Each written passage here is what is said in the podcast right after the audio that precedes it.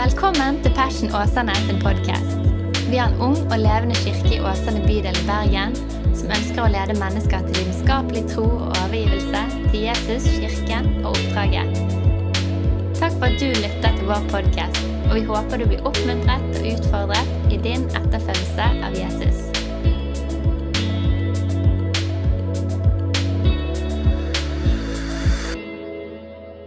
Jeg vil bare begynne med en bønn.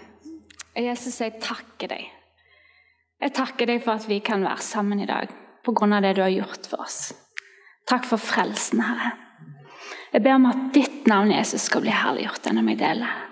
Det jeg deler. Og ber Helligånd om at du skal tale gjennom meg og berøre oss alle, Herre.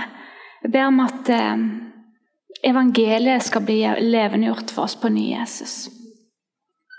La din vilje skje her i dag, Herre. Takk. Yes, Nå er jeg jo blitt litt introdusert her. Jeg kan si at jeg er så heldig å ha vokst opp i en kristen familie.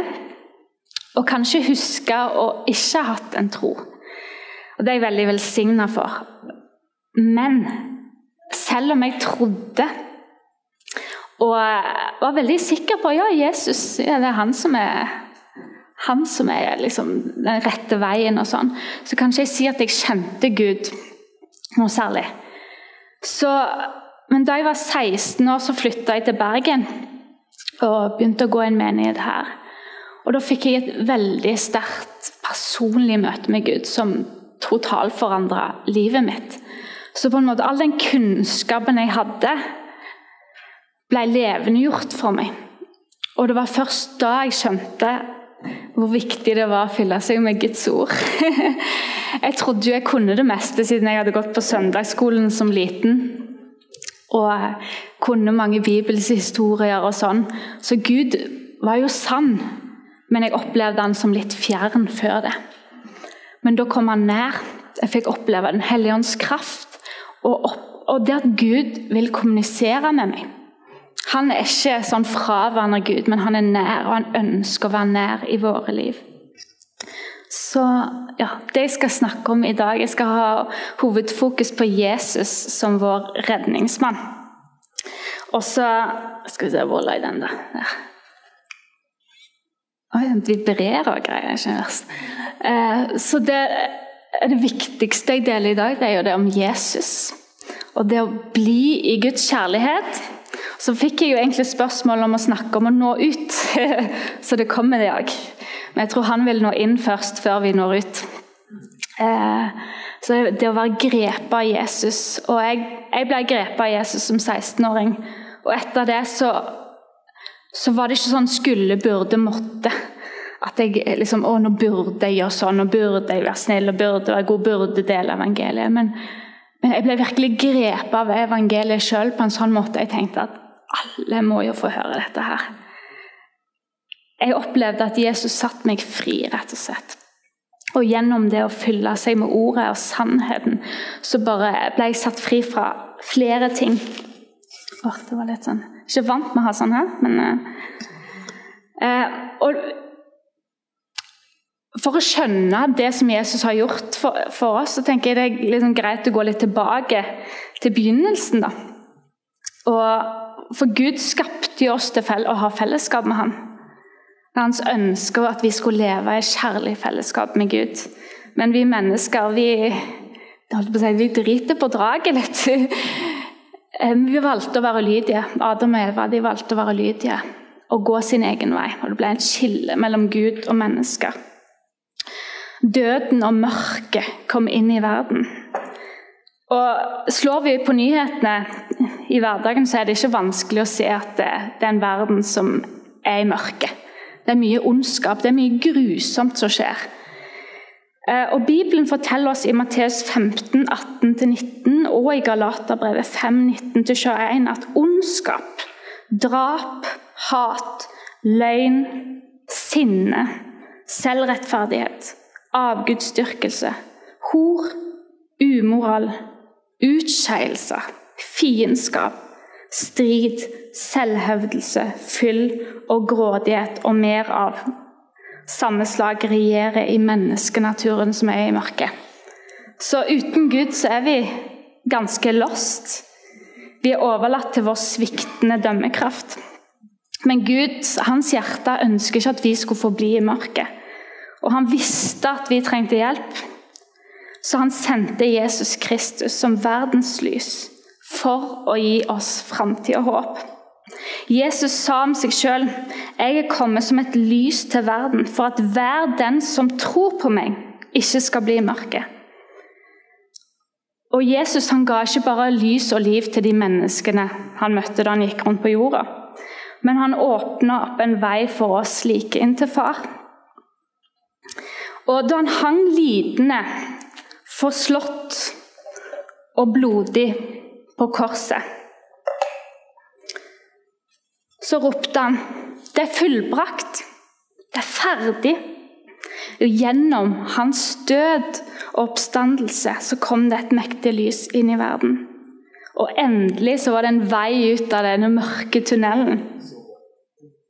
Den nåden og sannheten brøt lenkene som holdt folk fanga i synd, og rigide regler for hvem som var verdig for Gud. Gjennom sitt forsoningsverk gjorde Jesus det mulig for alle å bli fri fra mørkets makt og få en del av lysets rike. Og Det gir så god grunn til begeistring. Det er sterkt. Og I Kolosserne 1, 12-14 så står det med glede skal dere takke Far, Han som satte dere i stand til å få del i de helliges arv i lyset. For Han har fridd oss ut av mørkets makt og ført oss over i sin elskede Sønns rike. I ham er vi kjøpt fri og har fått tilgivelse for syndene. Og For å skjønne liksom litt av det Jesus har gjort, at Gud er hellig hellig. Ordet 'hellig' det er ikke så mye vi snakker om i dag. Men Gud er hellig og ren. Han tåler ikke synd. Han hater det. Så han kan ikke ha fellesskap med noe som ikke er hellig. Så Før i tiden så var det sånn at et, eller Vi kan gå tilbake til israelsfolket. da. Etter at Jesus hadde, nei, Gud hadde ledet dem ut av, av Egypt, så vandra de jo rundt i ørkenen. Og På ørkenvandringen så hadde Gud gitt dem instruksjoner om å lage et slags, flyttbart tempel som skulle være hans bolig. Og Gud ville bo midt iblant dem. Og telthelligdommen skulle være det stedet. Og Gud ville være nær, men samtidig så var han så fjern. da. For det var et grunnleggende problem. Det var jo folkets synd. Det måtte være et skille mellom de og Gud. Og Inni dette, denne telthelligdommen var det jo sant, det aller helligste. Det var et rom som bare ypperstepresten kunne gå inn i en gang i året med og sone offer for menneskets synd. Og For å skille det fra resten av rommet i tempelet så var det et stort, tykt forheng. Flere centimeter tykt. Det viste det store skillet mellom Gud og mennesker. Åh, det er sterkt. Og det forhenget var en påminnelse for dem om at Gud var hellig. De, de, de var syndige. De kunne ikke komme nær ham. Men da Jesus døde, så skjedde det jo noe sterkt. I det han ånda ut, så revna forhenget fra øverst til ned. Jeg vil at alle skal lukke øynene nå. Bare se det for deg. Forhenget revna. Og tenk deg flere centimeter tykt forheng. Det revna i to ovenfra og ned. Bare lage en sånn Det var ikke mye lyd her. Dette var en liten lyd. Men tenk den der sterke lyden. Det revna. Det ble åpna. Gravene åpna seg. Jorda skalv, og klippene revna. Og mange av de som var sovna inn, altså de som var døde, de sto opp. Se for deg at du var der. Dette skjedde i det han utdanna. Det er sprøtt å tenke på. For ofte leser vi det bare. Ja, ja, så døde Jesus, og forhenget revna. Han lagde en vei.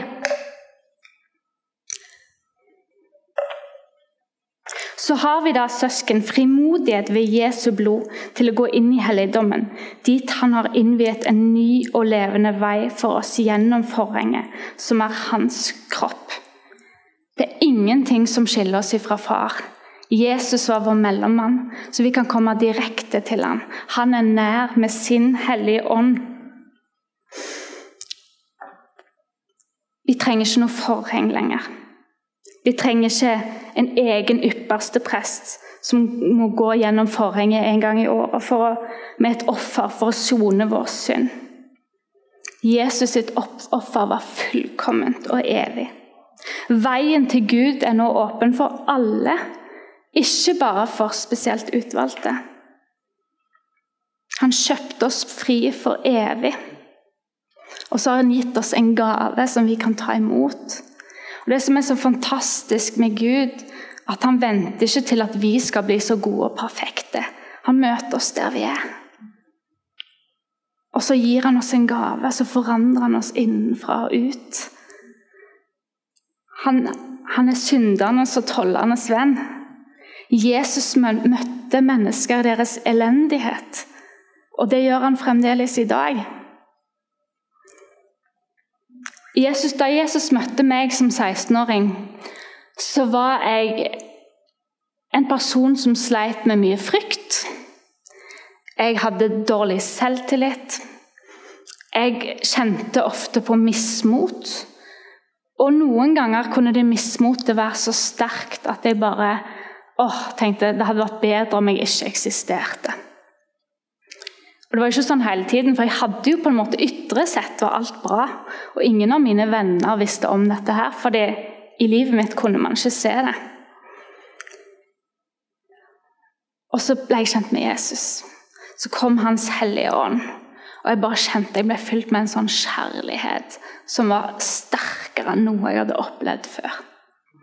En kjærlighet og en glede som, og en fred som er guddommelig. Og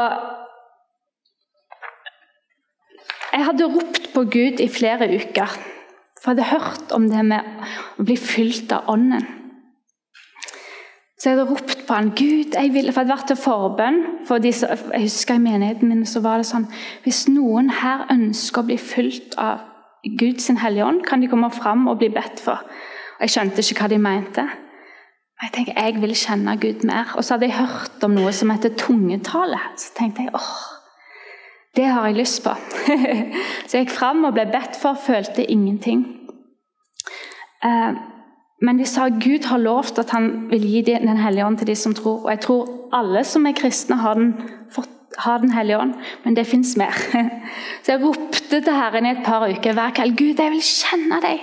Jesus, jeg vil kjenne deg. Jeg vil kjenne det at det som jeg leser i ditt ord, at det blir levende i mitt liv. Jeg ropte, jeg følte nesten at jeg ba til en vegg. Men jeg bare fortsatte. Et par uker seinere var jeg på møte igjen og med ei venninne av meg som jeg hadde fått lede til Jesus. da. For jeg hadde jo blitt grepet av Jesus. Og så eh, sa jeg kanskje du kan bli bedt for. Og det ville hun, men hun ville jeg skulle bli med. Og de som hadde bedt for meg, gjenkjente meg og ba for meg igjen. Fikk, det fikk de lov til. Og da kom ånden over meg. Og Det første ordet jeg fikk, var 'Zakaria'. Zakaria. Jeg ble fylt av Fikk gaven å tale i tunger. Og jeg bare Wow, det er så sterkt. Jeg kjente meg levende, mer levende enn jeg hadde kjent noen gang. Så gikk jeg hjem til min mor, som er teolog. da. Så sa å, det er en bok i Bibelen som heter Zakaria. Flere eh, personer i Bibelen med det navnet. Og, og vet dere hva det betyr? Noen som vet det? Mamma ble litt nysgjerrig. Vi må finne ut hva det betyr. Kanskje Gud vil snakke til deg, sa hun. Og i, i, bibelsk leksikon så sto det at det er hebraisk og betyr 'Herren har huska'. Så for meg ble det så levende, Ingrid. Du har bedt, og jeg har huska deg. Jeg har ikke glemt deg. Og Jesus sa Han sto jo ikke bare døde, men han sto opp igjen. Han eh, seira over døden. Og Det står òg at Jesus kom for å døpe med Den hellige ånd og ild. Og det var det jeg opplevde da.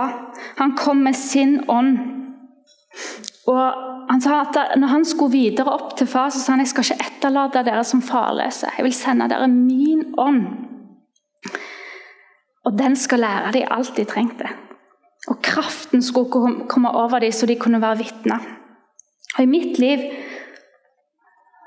så har denne boken vært livsviktig. For jeg, I alle de tingene som jeg har kjent vært vanskelig, og som noen ganger er vanskelig, så gå til sannheten. La sannheten om hvem du er i Kristus, få definere deg. Og Jeg likte så godt det du innleder med. For det at vi ofte ser sånn på oss sjøl og får jeg det til? Er jeg god nok? Sant? Hva har jeg å bidra med? Vi er altfor selvfokusert. Men det som er så frigjørende med evangeliet, er at vi kan rette blikket på Han. Han er verdig, han er hellig. Og så har vi fått en gave, at vi har blitt helliggjort og rettferdige pga. Jesu blod. Pga. hans offer på korset så kan vi gå fri. Og han elsker oss ubetinget. Vår fortid definerer oss ikke. Vår nåtid definerer oss ikke. Våre prestasjoner definerer oss ikke. Det er han som får definere oss. Og når vi får leve i det, så er det et utrolig frigjørende budskap.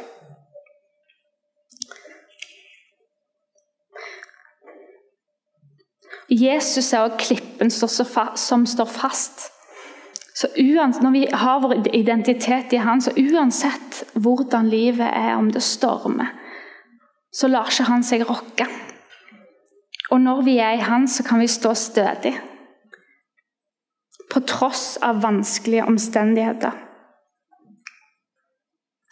Jesus sa òg Herrens ånd er over meg, for han har salvet meg til å forkynne evangeliet for de fattige.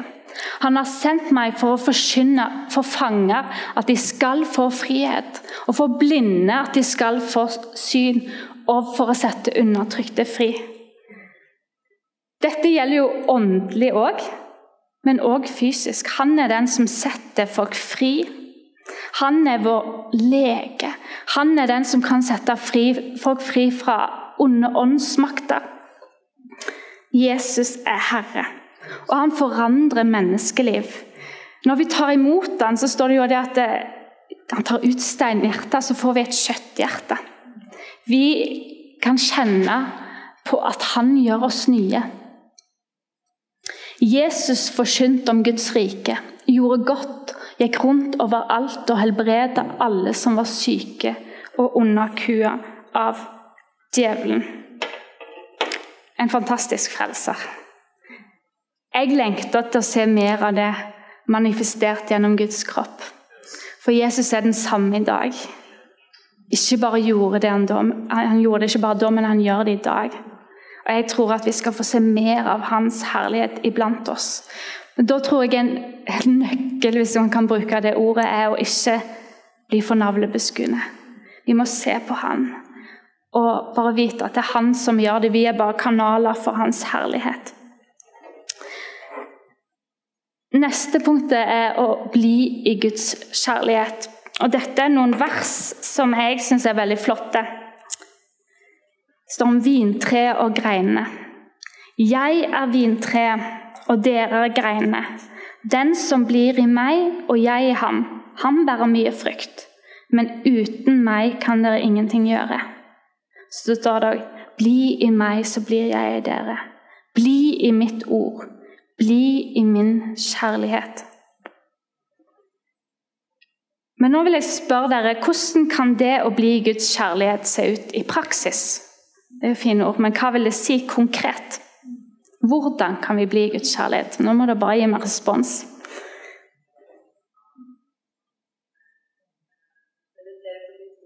Ja, meditere på Guds ord. Flere tanker. Så. Fellesskap. Ja. Yes. Det står jo at vi er ulike lemmer på hans kropp. Så i fellesskap så møter vi Jesus. Andre ting? Be, ja. Bønn. Vi blir mer lik det vi tilber. Det skjer veldig mye med oss òg. Og så får vi, tror jeg Gud òg deler sitt hjerte med oss i bønn. Andre ting?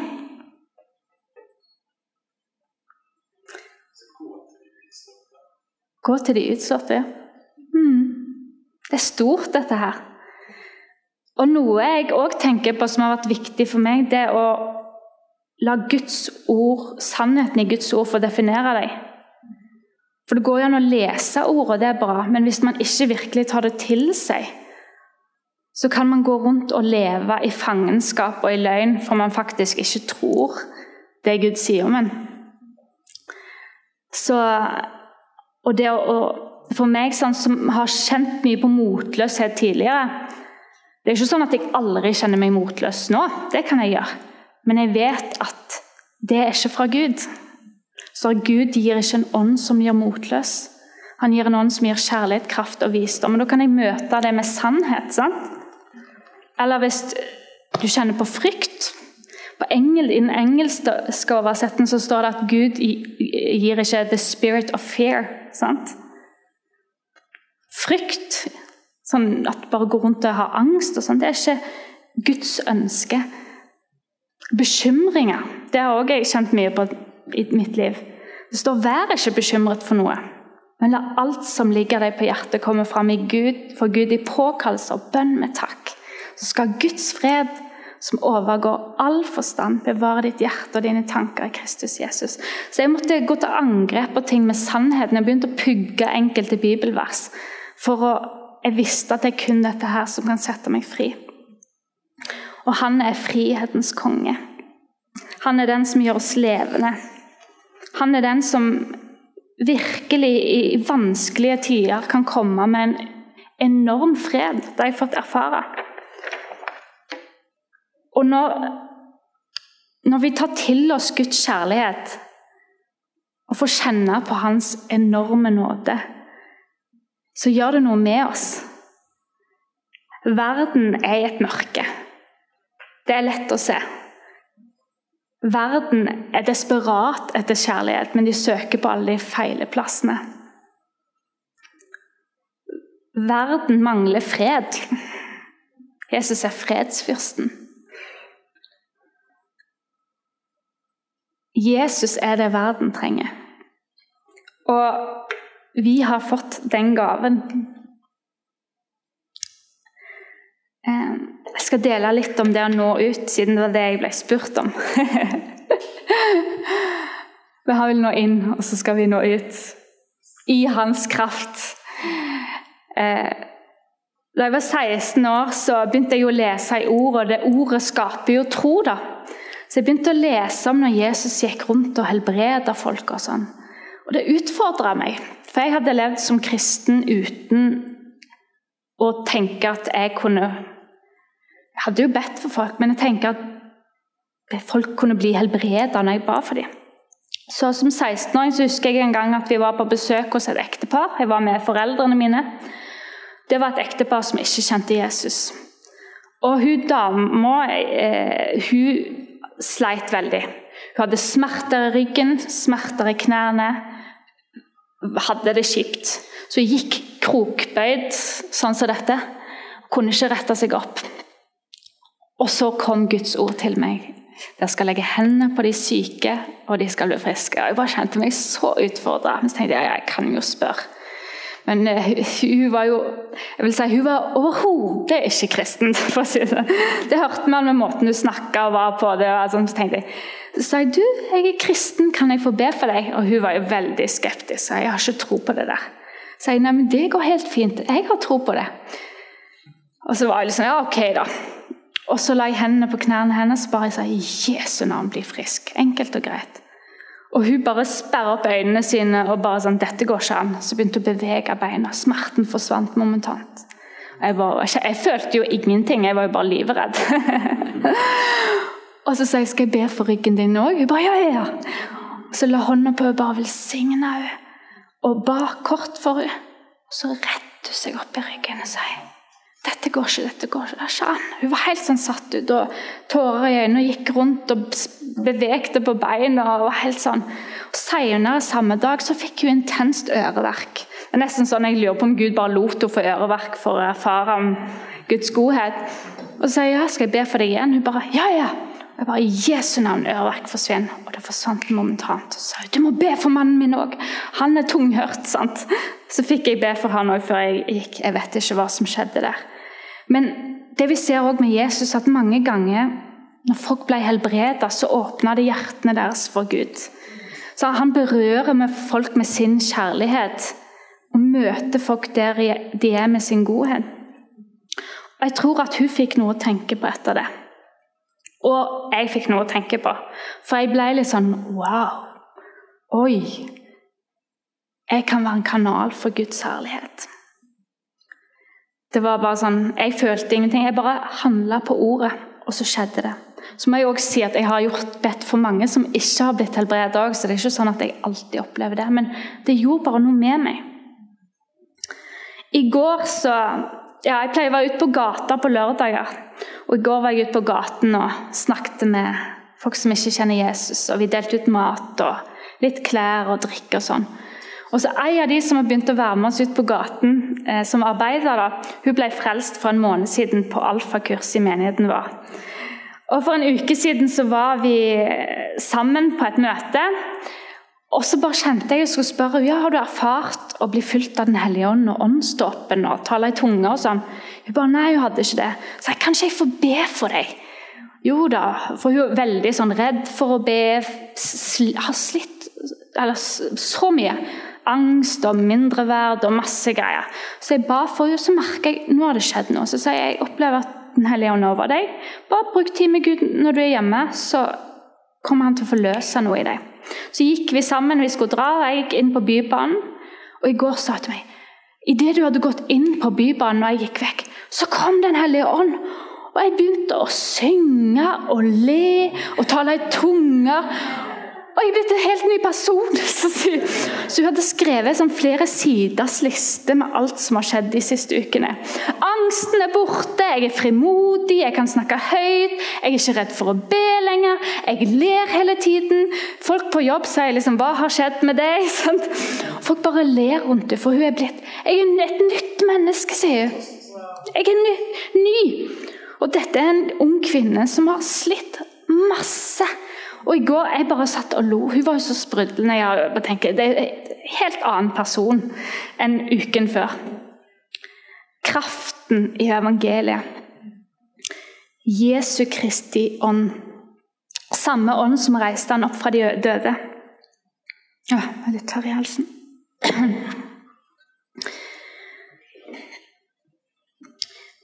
Åh, jeg tror jeg må ha litt vann. Jeg tror jeg. Har, jeg har noe her. Se.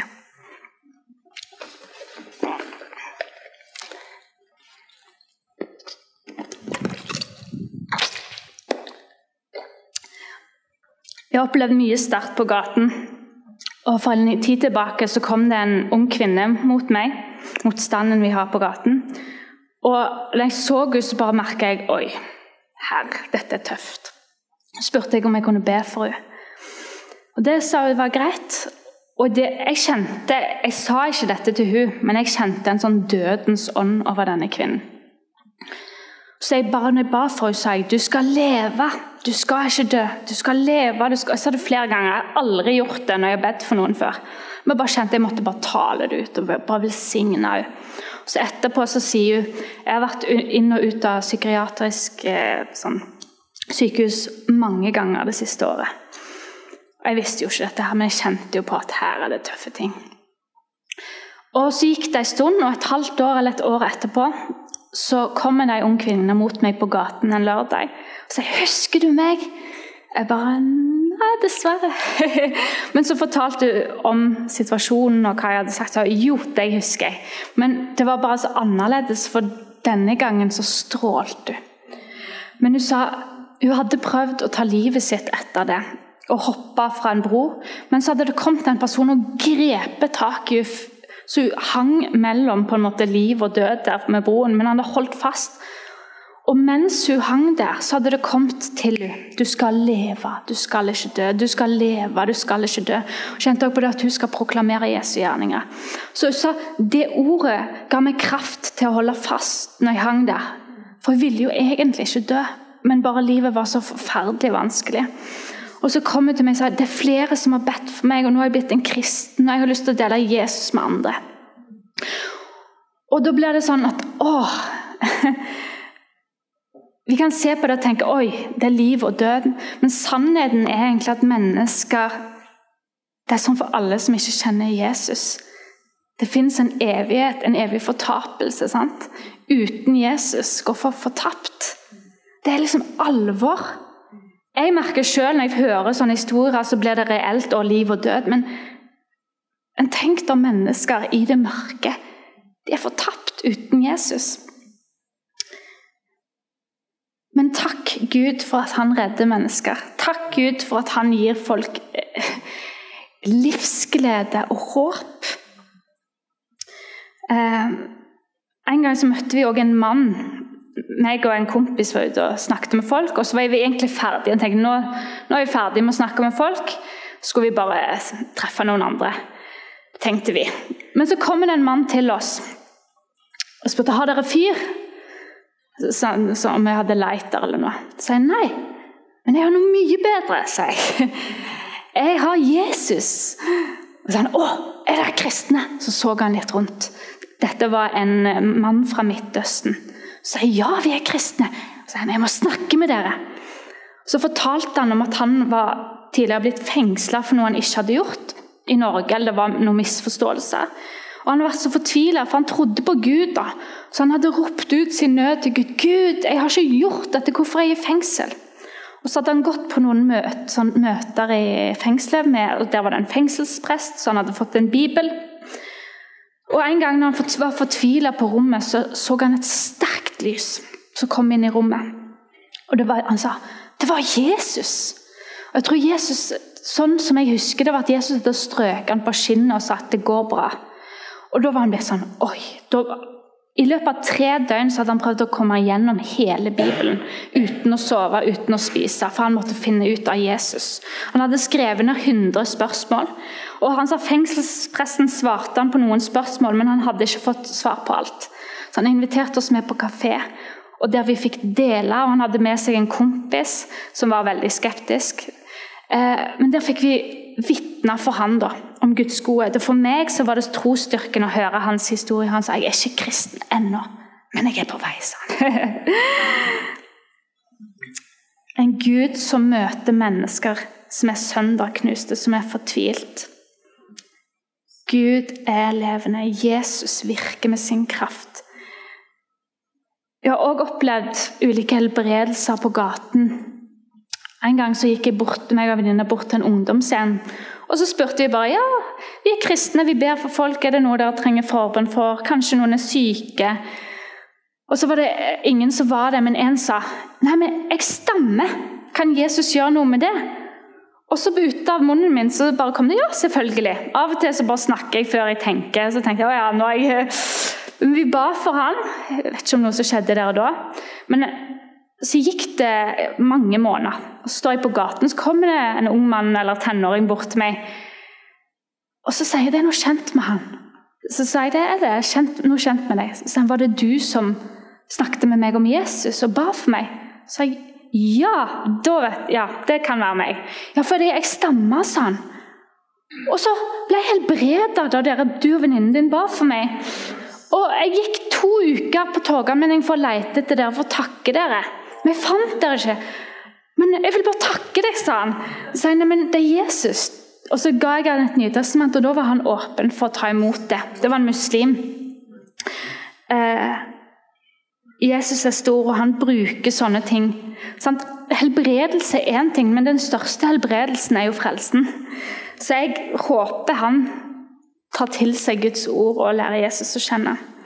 Det var også ei dame som vi ba for, som, eller vi prata egentlig lenge med to damer som sleit mye. Hun ene hadde problemer med ryggen, og de har vært en del inne i rus og sånne ting.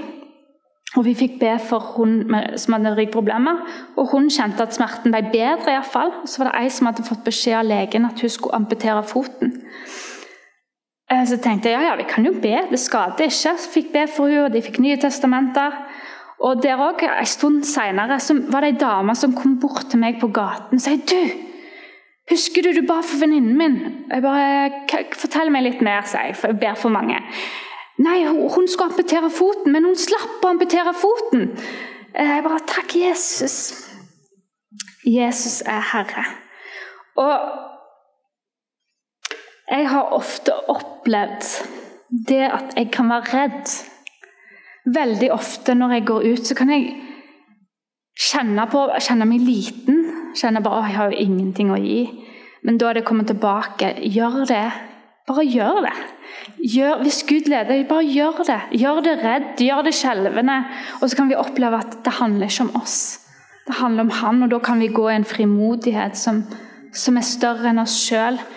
Um, ehm, og, og det, det er mange, mange mennesker som lengter etter Jesus.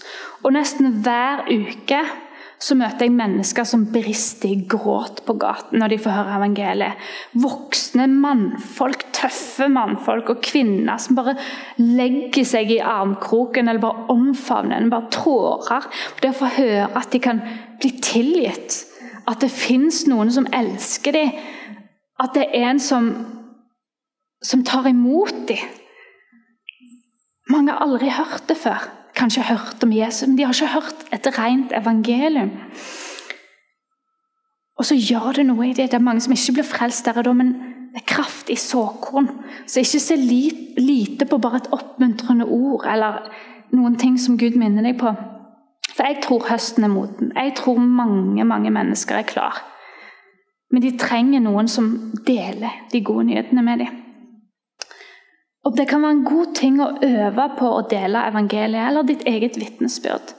For det òg berører mennesker når de får høre historier fra deres liv.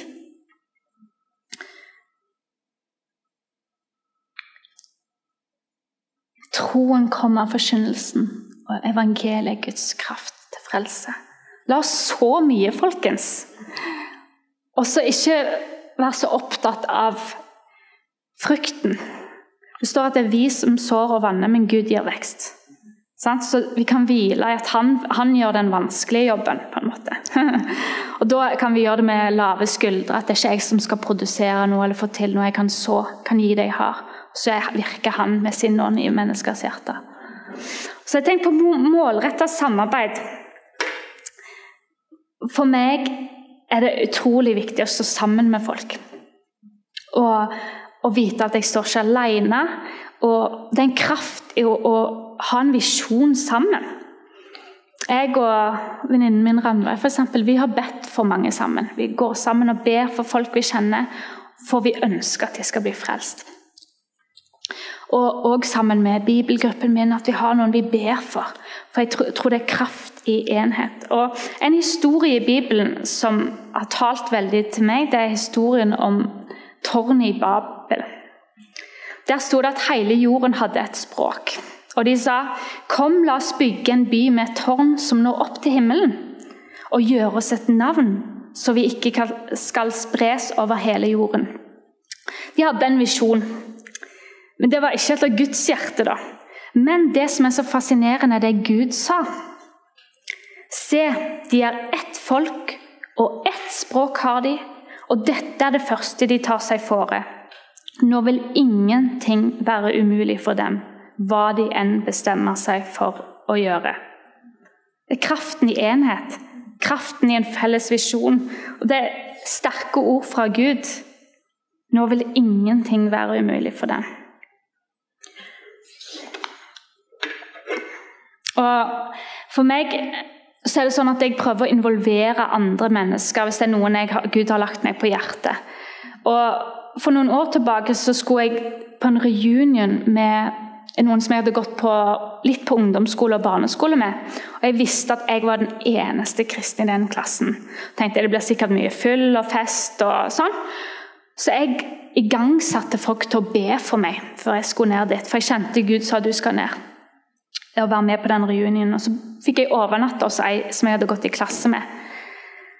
Og jeg sa be om at jeg skal få dele om Jesus, be om at jeg skal få be for folk. Sa mange ting, konkrete ting jeg ville at folk skulle be om. Og det som skjedde på den reunionen, at vi satt i flere timer med hele klassen og snakket om tro, om Jesus. Jeg fikk dele vitnesbyrdet mitt. Og hun jeg bodde hos, jeg fikk be for henne. Så opplevde Den hellige om talte til meg. Hun kommer til å bli frelst. Men hun var veldig alternativ og ja, ikke åpen for Jesus, egentlig, men sa det virker så deilig å tro, sånn som deg, men jeg klarer ikke å tro. Vært mye inn i okkulte ting og sånn.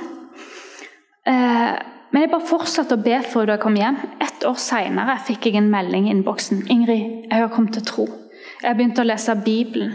Og eh, bare, ja. Og i dag skal jeg si at hun er en evangelistisk person. Hun har vitna sikkert for hele bygden sin om Jesus. Eh, men hun var langt vekke fra Gud. Men forakt ikke såkornene. sant? Så virker det i folk. Um, yes. Og det som kan skje Jeg har liksom bare handla på Jesu befalinger. Det som jeg har merka i mitt liv, i perioder der jeg har bare sittet og hørt mye bra, men ikke handla på det, ikke fått gitt det videre, så kjenner jeg at da, det blir vanskeligere å gi det videre, for man er så vant til å være passiv. Og eh, For meg så sammenligner jeg det litt med i det fysiske. Hvis man ikke er vant til å trene, og vant til å ta til seg mye mat og ikke trene, så er det veldig tungt å skal begynne å trene. Det er liksom bare sånn åh, Komme seg ut av døra. Kjempeslitsomt. Men så, da må man pushe seg sjøl. I begynnelsen er det bare et sånn aktivt valg man må ta. Mens etter hvert som man gjør det mer og mer, så blir det en rutine. Og til slutt blir det sånn at oi, dette er faktisk kjekt. Jeg har lyst. Jeg kjenner meg levende. Og Gud vil at vi skal gi det vi har. Og ikke se lite på det du har fått. For det, for det du har fått, er stort, for det er Kristus. Mm. Skal vi se lurer på om det var Så har jeg noen sånne spørsmål til ettertanke. Jeg har merka i mitt liv så må jeg av og til ransake meg sjøl. Er Jesus min første kjærlighet? Er det noen områder av livet mitt som jeg trenger å overgi til Jesus på nytt? Jeg kjenner det av og til hvis jeg lar bekymring få overtak, eller ting som motløshet, som av og til kan komme. Så kjenner jeg når jeg går til ordet altså, Oi, her er det noe som har fått plass. Som tar Jesus sin plass. Hvordan kan jeg sammen med vennene mine eller gruppen min eller menigheten nå ut med Guds kjærlighet til mennesker som ikke kjenner Jesus? Kanskje Gud vil minne dere på noen dere kjenner, som dere skal ta kontakt med. Og hva konkret kan jeg gjøre for å ta noen nye steg og vokse i det å nå ut med evangeliet og i relasjon til mennesker som ikke kjenner Jesus? Jeg regner med at de fleste her inne kjenner noen som ikke kjenner Jesus. Jeg tror jeg. Det er noe med å bare begynne der en er. Um, Yes, jeg bare ber til slutt. Å, Jesus, jeg bare takker deg. Du er bare så fantastisk. Hellig og ren og god. Takk for at du er nok. Du er det vi trenger. Takk for at du er vår styrke og vår kraft. Takk for at du har gitt oss din ånd, som leder oss til sannheten. Som åpenbarer deg, Jesus, for oss. Jeg ber om at du skal hjelpe oss å leve i din sannhet. Og ikke fokusere for mye på oss sjøl og være for innovervendt. Men la oss få se deg og leve styrt av visjon, din visjon, Herre. Du ønsker at jorda skal bli fylt av kunnskapen om din herlighet. Du har et hjerte du elsker så høyt at du ønsker ikke at folk skal gå fortapt, Herre. Du ønsker å frelse Jesus. Og Jeg ber om at dette skal være en tid med der du bare tar oss dypere inn i dine sannheter og din kjærlighet. At du griper oss på nytt med evangeliet, Gud. Sånn at det blir vanskelig for oss å la være, la være å fortelle om det vi har sett og hørt. Ber om frimodighet, far. Og ber om at du skal hjelpe hver enkelt der de er i sin vandring til bare å leve i din kjærlighet og la seg fylle opp av din godhet, Herre.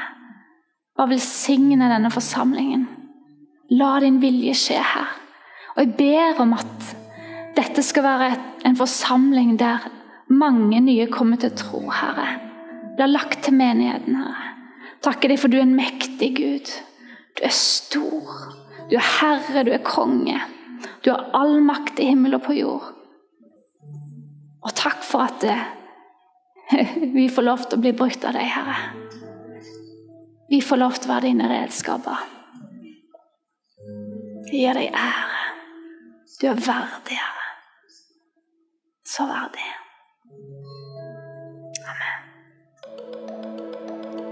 Takk for at du lyttet til vår podkast. Hvis du synes det var bra, så del den gjerne med noen flere. Vil du vite mer om hvem vi er, hva som skjer, og kanskje besøke en av våre gudstjenester, se vår nye hjemmeside på passionåsane.no, eller følg oss på sosiale medier. Helt til slutt, ta imot Herrens velsignelse. Herren velsigne deg og bevare deg. Herren la sitt ansikt lyse over deg og være deg nådig. Herren løfter sitt åsyn på deg og gir deg fred.